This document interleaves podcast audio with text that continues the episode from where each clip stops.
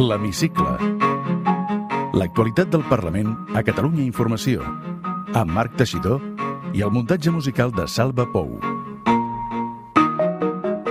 La resposta a la sentència encara coeja i arriba al Parlament en forma de proposta de resolució conjunta entre els tres partits independentistes. Conjunta originalment, perquè en les últimes hores sembla que la unitat es desdibuixa. El text, escapçat pel Tribunal Constitucional, es votarà la setmana que ve i Junts per Catalunya i la CUP hi han presentat esmenes en què rebutgen les ingerències del Tribunal i Esquerra els retreu que ho facin de manera individual. Tot plegat quan el president Torra ha afrontat el judici al Tribunal Superior de Justícia de Catalunya per desobediència i casualitats de la vida, el el president del tribunal, Jesús María Barrientos, ha comparegut al Parlament. El síndic de Greuges també ha alertat de les deficiències en matèria de seguretat nuclear a Tarragona i Roger Torrent ha rebut els representants universitaris que li han traslladat el seu rebuig a la sentència una setmana de compàs d'espera per al ple de la setmana que ve, on també es votarà la llei de ports i de transport en aigües marítimes i continentals. Benvinguts a l'Hemicicle. L'Hemicicle. L'actualitat del Parlament a Catalunya Informació.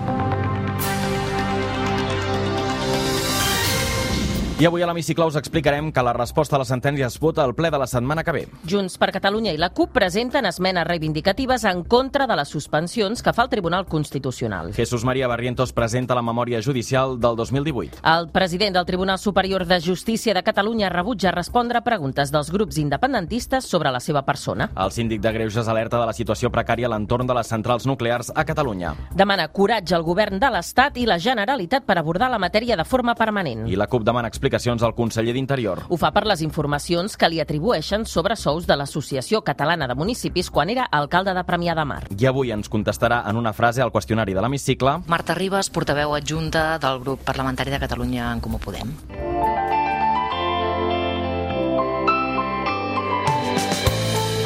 Un mes i mig després de conèixer la sentència del procés, el ple del Parlament votarà la setmana que ve la proposta de resolució com a resposta política pactada entre Junts per Catalunya, Esquerra i la CUP. Un text que ha portat mal de caps al president del Parlament, Roger Torrent, i als membres de la mesa. Amb l'admissió a tràmit n'hi va haver prou perquè el Tribunal Constitucional els advertís que podien incórrer en responsabilitats penals. El punt 11 es reiterava el dret dels diputats i diputades a debatre sobre l'autodeterminació i la reprovació a la monarquia, entre d'altres. Punts, recordem-ho, suspesos pel Tribunal Constitucional. Amb tot, la proposta de resolució ha quedat retallada i alguns dels proposants, Junts per Catalunya i la CUP, ho han esmenat. Ho repassem amb l'Àngels López. El ple del Parlament debatrà la setmana que ve la proposta de resolució de la resposta a la sentència del procés. El text arribarà a la cambra escapçat pel Tribunal Constitucional que ha suspès la part que feia referència al dret a l'autodeterminació i a la reprovació de la monarquia.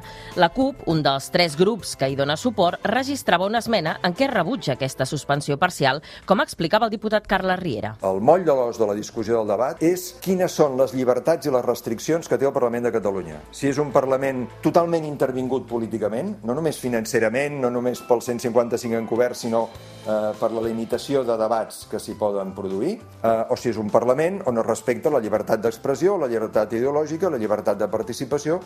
Junts per Catalunya ha seguit els mateixos passos i ha presentat fins a quatre esmenes en la mateixa línia. Carreguen contra el Tribunal Constitucional i la Fiscalia i reivindiquen debatre i votar sobre el dret a l'autodeterminació, reprovar la monarquia i la sobirania de Catalunya. Elsa Artadis, diputada de Junts per Cat. Volem que el ple del Parlament, que l'hemicicle, es pronunciï sobre la denúncia i sobre la constatació que el Tribunal Constitucional està censurant als representants del poble de Catalunya, que està censurant, volem que es transcrigui el tros que ells han volgut eliminar perquè volem constatar exactament sobre el que no vol que el Tribunal Constitucional eh, se'n parli. Des d'Esquerra lamenten que Junts per Catalunya i la CUP hagin optat per presentar individualment esmenes o consideren partidistes, ja que el text conjunt buscava des de l'inici la unitat estratègica. L'oposició de la seva banda ha demanat que excepcionalment la mesa es reuneixi abans del debat i votació per analitzar les esmenes que es puguin presentar, com explicaven Nacho Martín Blanco de Ciutadans i Eva Granados del PSC. Ells pretenen seguir amb la mateixa, amb la mateixa dinàmica i nosaltres, no, i no és per tirar de lemes, però tornarem a frenar la seva pretensió d'atropellar els drets eh, i llibertats dels ciutadans de Catalunya. En els tràmits interns del Parlament, aquest incís eh, ha quedat en suspès, en, en suspens també i, per tant, no és motiu ni d'esmena.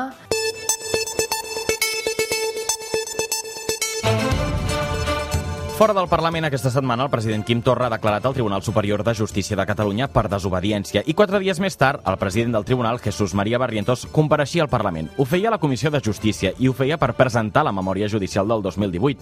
Allà els partits independentistes aprofiten i retreuen comentaris i actituds polítiques de Barrientos. Ell defuig i es nega a contestar. Només tres dies després del judici al president Torra per desobediència, Jesús María Barrientos compareixia al Parlament, però el president del Tribunal Superior de Justícia de Catalunya tenia clar que venia a explicar la memòria judicial i tot el que sortís d'aquesta premissa en quedava al marge. Des de la CUP, Vidal Aragonès li va exhibar que hi ha presos polítics. Cal denunciar l'existència de presos polítics.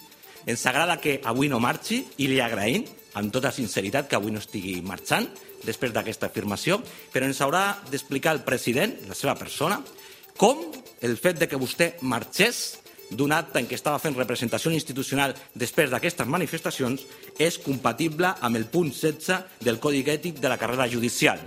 Esquerra Republicana, en veu del seu diputat Jordi Orovich, li recorda que és el Parlament qui té la potestat de cessar un president. El dilluns presidia un tribunal que s'estaven jutjant el president de la Generalitat de Catalunya, precisament el dia i avui visita, que em referia a la cambra legislativa, que en democràcia és l'única legitimada per nomenar i cessar presidents de la Generalitat. La tensió arriba al torn de Junts per Cat quan la vicepresidenta de la Comissió de Ciutadans talla el diputat Eusebi Campdepadrós que parlava del delicte de sedició. Si vostè no em permet continuar fent ús de la paraula expressant l'opinió que a mi em toca tenir l'obligació de fer en tant que representant de ciutadania que ens ha votat, deixaré aquí la meva inter intervenció en senyal de protesta a la resta de membres de la comissió del grup parlamentari de Junts per Catalunya abandonaran ara mateix la comissió. Barrientos no contesta i ho justifica. No es oportuno que yo entre a evaluar, entre otras cosas, porque sabe usted que cualquier cosa que diga sobre este terreno, pues faltará tiempo a quienes en alguna ocasión puedan verse sometidos a la jurisdicción que ejerzo para invocar eh, cualquier argumentario en un sentido u otro para recusar. Unes explicacions que no agraden ni convencen els diputats independentistes.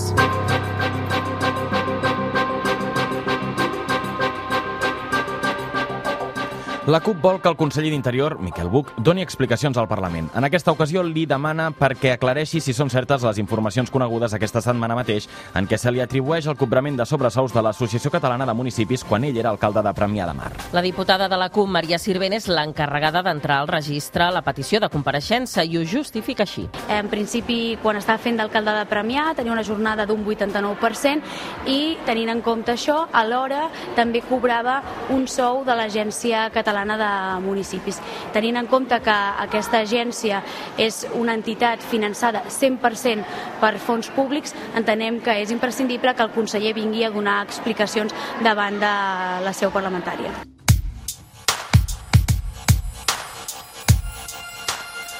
Més qüestions. El síndic de Greuges ha lliurat al Parlament el seu informe sobre seguretat nuclear a Catalunya. Rafael Ribó alerta de les deficiències en seguretat a l'entorn de les centrals nuclears a Tarragona, les dues de Vandellós i la d'Escó.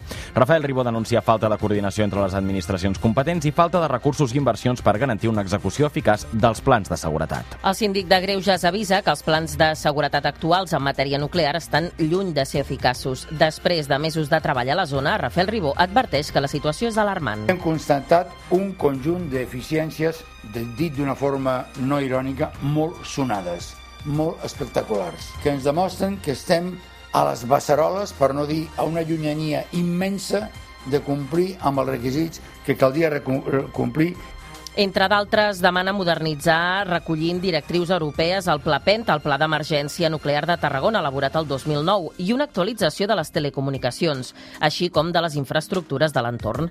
A més, el síndic assegura que falta formació en matèria a les escoles de la zona i, sobretot, més difusió i simulacres. Ribó fa aquesta crida a les administracions competents. Tot comença perquè caldria un òrgan de coordinació que fos d'acord absolut entre administració de l'Estat i la de la Generalitat i de possible actuació amb la presència de tots els poders implicats. És un anacronisme que això estigui sota l'exclusiva garantia, guarda del de Consejo i de la subdelegació del Govern. Ribó es mostra sorprès que casualment el mateix dia que lliuri l'informe, la subdelegació del govern a Tarragona anunciï que ja s'està treballant per millorar la megafonia dels municipis dins de les àrees nuclears. Els municipis que ja han vist arreglats els problemes són Maials, Falset i Flix i s'espera que els pròxims dies s'actuï en una quinzena més.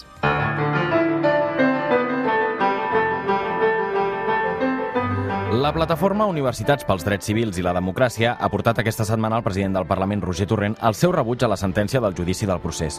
Torrent els agraeix el seu paper i posicionament a través del manifest conjunt de les universitats catalanes de rebuig de les condemnes dels presos polítics catalans i de la judicialització de la política. Un manifest signat per set universitats públiques catalanes. Els representants de la plataforma reivindiquen l'obligació del sector de pronunciar-se. En moments com els que està passant, la societat catalana, l'observació d'aquests principis i valors ens obliguen a un compromís actiu, ferm i sostingut amb la defensa dels valors democràtics i dels drets fonamentals. Davant la situació actual de repressió i l'erosió de les llibertats i els drets civils i polítics, i alhora renova el seu compromís públic en la defensa de les llibertats i els drets personals i col·lectius, el de l'autodeterminació entre aquests. Torrent assegura que la sentència no pot deixar indiferent ningú perquè no es tracta d'una qüestió d'una determinada idea política, sinó que la decisió judicial posa en risc els fonaments de la democràcia. Allò que està en risc és els drets i les llibertats de tots. Pensem com pensem. Per tant, el silenci davant d'aquesta situació és un silenci que ens pot fer còmplices davant de la regressió en drets i llibertats que ens pot fer còmplices a la deriva autoritària de l'Estat. A l'acte hi assisteixen, a més del president i dels representants i impulsors del manifest, el vicepresident primer, Josep Costa, el secretari primer, Eusebi Campdepadrós, i els diputats Gemma Espigares i Vidal Aragonès.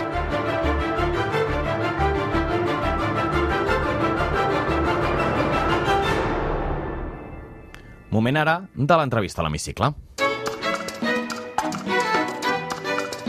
Té la paraula soc Marta Ribas, portaveu adjunta del grup parlamentari de Catalunya en Comú Podem. La repetició electoral ha servit perquè PSOE i Unides Podem es posin d'acord, desencallin la negociació, però la fragmentació al Congrés pot complicar-los aquest acord. Sí, però no s'entendria que no tirin endavant. La veritat és que, especialment eh, per part dels grups catalans, no s'entendria que no hi hagi un suport a un govern progressista a l'Estat que desencalli la situació, que desbloquegi l'opció de solucions per Catalunya i que respongui a allò que majoritàriament la ciutadania de Catalunya vol, que és un govern progressista a l'Estat l'estat amb què hi siguem Unides Podemos i en Comú Podem. Mencionava els grups catalans i poden haver contrapartides a Catalunya per poder desencallar l'acord? Home, jo entenc que les contrapartides per Catalunya per desencallar l'acord és precisament que hi hagi desencallament, eh, desbloqueig de la situació política i això està clar que la gent d'en Comú Podem i d'Unides Podemos representem aquesta voluntat d'un govern que dialogui amb Catalunya i d'un govern que posi recursos per a Catalunya, així com per la resta de les comunitats autònomes, per poder fer les les polítiques socials que fan falta per la ciutadania de Catalunya també. I els pressupostos, com tenim les negociacions en aquest aspecte? Doncs eh, bé, seguim parlant-ne, seguim parlant-ne. Nosaltres tenim claríssim que eh, Catalunya no pot continuar amb, amb pressupostos prorrogats eh, eternament i per tant que hem de posar-hi esforços tots plegats en intentar que hi hagi uns pressupostos, però eh, de moment en seguim parlant amb les dificultats eh, clares d'un govern que no acabem de veure clar cap a on va eh, que està doncs, amb dues forces eh, polítiques que, que no s'entenen i que tampoc sabem cap on va la legislatura, no? amb totes aquestes dificultats, a més de les pròpies dificultats d'un pressupost que ha de donar resposta a tants anys, 10 anys de retallades, doncs eh, és, és, és complexa i és difícil, però això no vol dir que, vaja, no juguem el paper que ens pertoca, que és el paper de responsabilitat de representar la gent que representem i, per tant, de posar-nos a la taula, que és el que estem fent, parlar i intentar posar les nostres propostes damunt,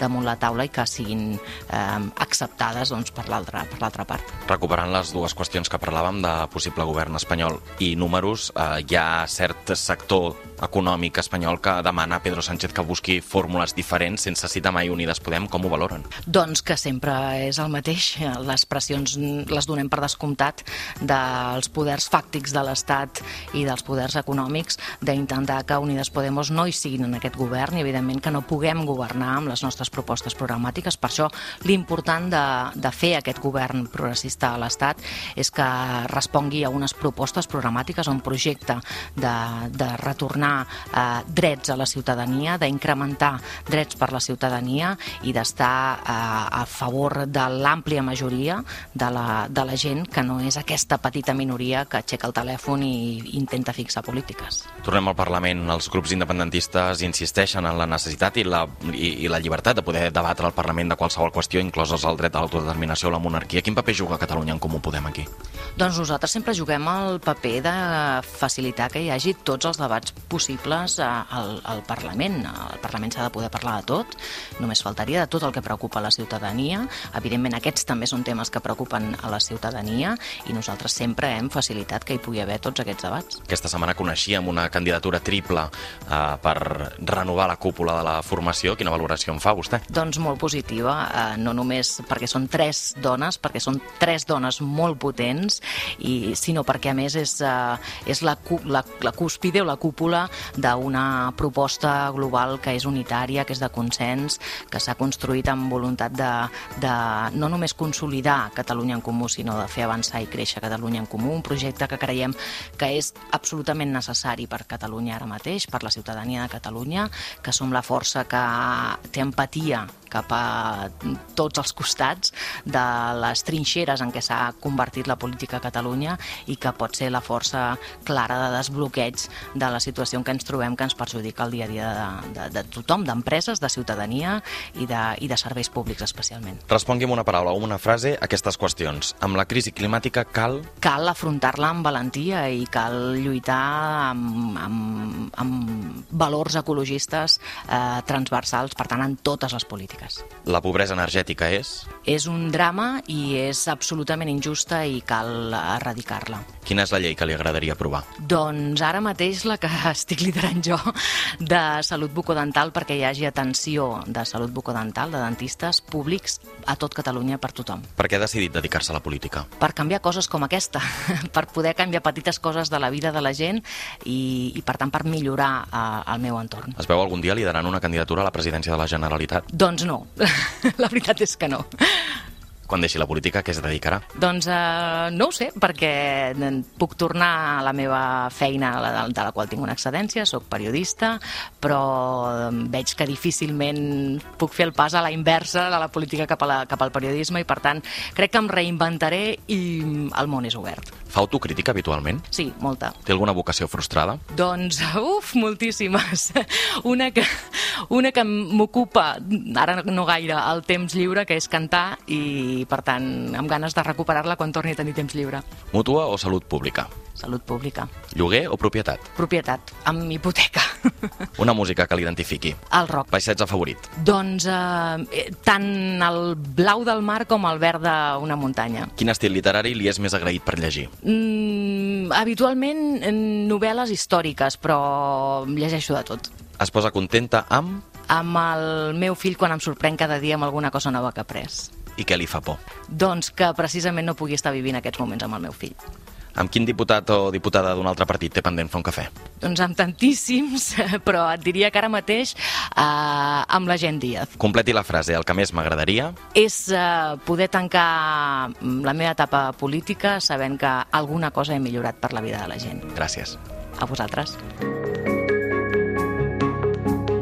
Podeu tornar a escoltar l'Hemicicle al web catradio.cat barra hemicicle o al podcast del programa i seguir l'actualitat del Parlament al perfil de Twitter arroba L-hemicicle.